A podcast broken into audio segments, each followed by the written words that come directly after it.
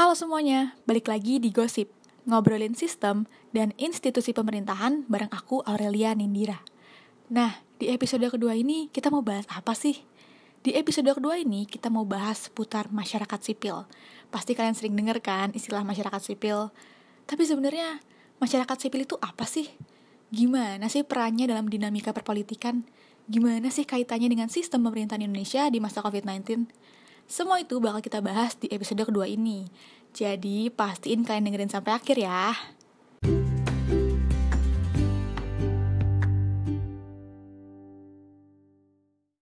Masyarakat sipil merupakan terjemahan langsung dari kata bahasa Inggris civil society. Masyarakat sipil juga sering kali disebut sebagai masyarakat madani. Secara singkat dan sederhana, masyarakat sipil merupakan antitesis dari masyarakat militer masyarakat sipil mengendaki sebuah wacana di mana mereka bebas dari militerisme. Di Indonesia sendiri, masyarakat sipil memulai kiprahnya pasca runtuhnya rezim Orde Baru.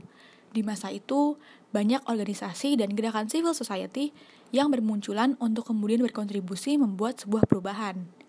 Masyarakat sipil hadir untuk menawarkan arena alternatif yang merepresentasikan kepentingan sosial. Nah, itu tadi definisi dari masyarakat sipil. Sampai sini udah mulai ada gambaran gak nih tentang apa itu masyarakat sipil? Nah, definisinya udah. Sekarang kita coba bahas yuk hubungan antara masyarakat sipil dengan lembaga lain, yakni negara. Masyarakat sipil dan negara adalah dua komponen yang tidak dapat terpisahkan. Untuk memahami konsep antara masyarakat sipil dan negara, kita dapat menggunakan konsep yang digagas oleh Hegel. Hegel mengatakan bahwa civil society merupakan sebuah medium di mana segala nilai kebaikan terpenuhi, dengan kata lain, civil society tidak bisa dibiarkan tanpa ada kontrol dari negara. Kontrol atau intervensi negara dalam masyarakat sipil dinilai penting, lantaran ada beberapa pertimbangan. Pertimbangan itu menyangkut kesejahteraan masyarakat. Nah, hubungan antara masyarakat sipil dan negara berpengaruh terhadap jalannya kebijakan serta pemerintahan di suatu negara. Jadi sampai sini mulai paham kan ya, kalau masyarakat sipil dan negara itu satu kesatuan yang tidak dapat dipisahkan. Misalnya saja dalam konteks pandemi COVID-19. Masyarakat sipil memegang peran penting dalam penanganan pandemi COVID-19 di Indonesia. Salah satunya adalah mereka melakukan upaya advokasi kepada pemerintah. Salah satu contoh konkret yang dilakukan oleh masyarakat sipil di masa pandemi COVID-19 adalah ketika mereka memberikan bantuan berupa macam-macam hal kepada masyarakat yang terdampak. Kasus korupsi bansos COVID-19 sangat menghambat masyarakat dalam mendapatkan bantuan. Di sinilah masyarakat sipil hadir. Banyak masyarakat sipil yang kemudian menyantuni para korban terdampak COVID-19 dengan sembako dan bantuan-bantuan lainnya. Masyarakat sipil dianggap sebagai komponen yang paling esensial dalam menghadapi ancaman dan kekhawatiran berbagai macam krisis yang diakibatkan oleh pandemi. Masyarakat sipil adalah kekuatan fundamental dalam mengawal kebijakan negara. Masyarakat sipil adalah aktor alternatif yang dapat berperan dalam menata ketidakteraturan kebijakan publik. Dan masyarakat sipil juga dapat jadi alat kontrol terhadap parlemen yang justru memanfaatkan situasi pandemi untuk membahas undang-undang kontroversial, misalnya saja Omnibus Law yang lalu. Di samping itu, dalam kasus pandemi COVID-19, masyarakat sipil juga menjadi alat yang mengontrol dan mengawal berbagai perundang-undangan di masa COVID-19. Jika undang-undang tersebut dinilai merugikan masyarakat, di situlah masyarakat sipil hadir sebagai tameng yang bertugas melawan dan menggugat.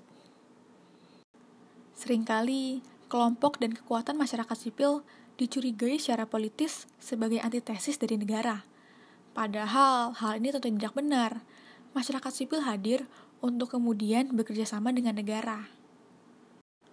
Pada akhirnya, peran dan kontribusi masyarakat sipil tidak akan maksimal jika terlepaskan dari negara masyarakat sipil membutuhkan peran negara untuk kemudian menjadi penuntun yang mengarahkan mereka dalam melakukan banyak hal. Namun, jika negara tidak cukup bertanggung jawab dalam melaksanakan apa yang jadi tugasnya, tentu bukan salah masyarakat sipil jika pada akhirnya mereka berjalan sendiri. Di Indonesia sendiri, tidak dapat dipungkiri bahwa masyarakat sipil cenderung memegang banyak peranan dalam menangani COVID-19. Masyarakat sipil cenderung lebih dekat dengan rakyat, Berbeda dengan negara dan pemerintah yang cenderung hanya dekat dan mementingkan beberapa golongan tertentu saja. Meskipun demikian, tentu tidak ada kata terlambat.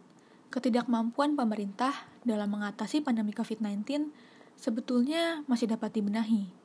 Pemerintah membutuhkan komitmen yang kuat untuk mengarahkan dan mengintegrasikan rakyat agar dapat kembali terjauhkan dari pandemi.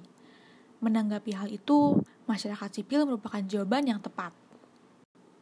Seorang ilmuwan politik, Putnam, mengatakan bahwa masyarakat sipil bukan hanya pemilih ataupun subjek hukum, tetapi berpartisipasi dalam segala macam hubungan dan struktur sosial.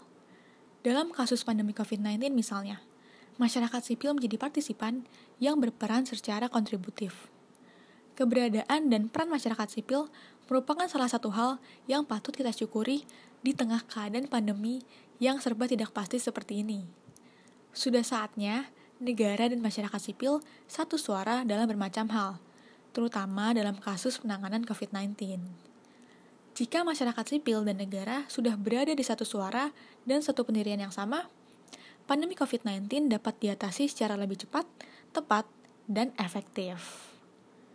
Nah, kayaknya kita udah ngomongin banyak hal ya hari ini seputar masyarakat sipil, mulai dari definisinya, hubungannya dengan negara, sampai perannya dalam konteks pandemi COVID-19 di Indonesia kalian jadi mulai paham kan dengan masyarakat sipil.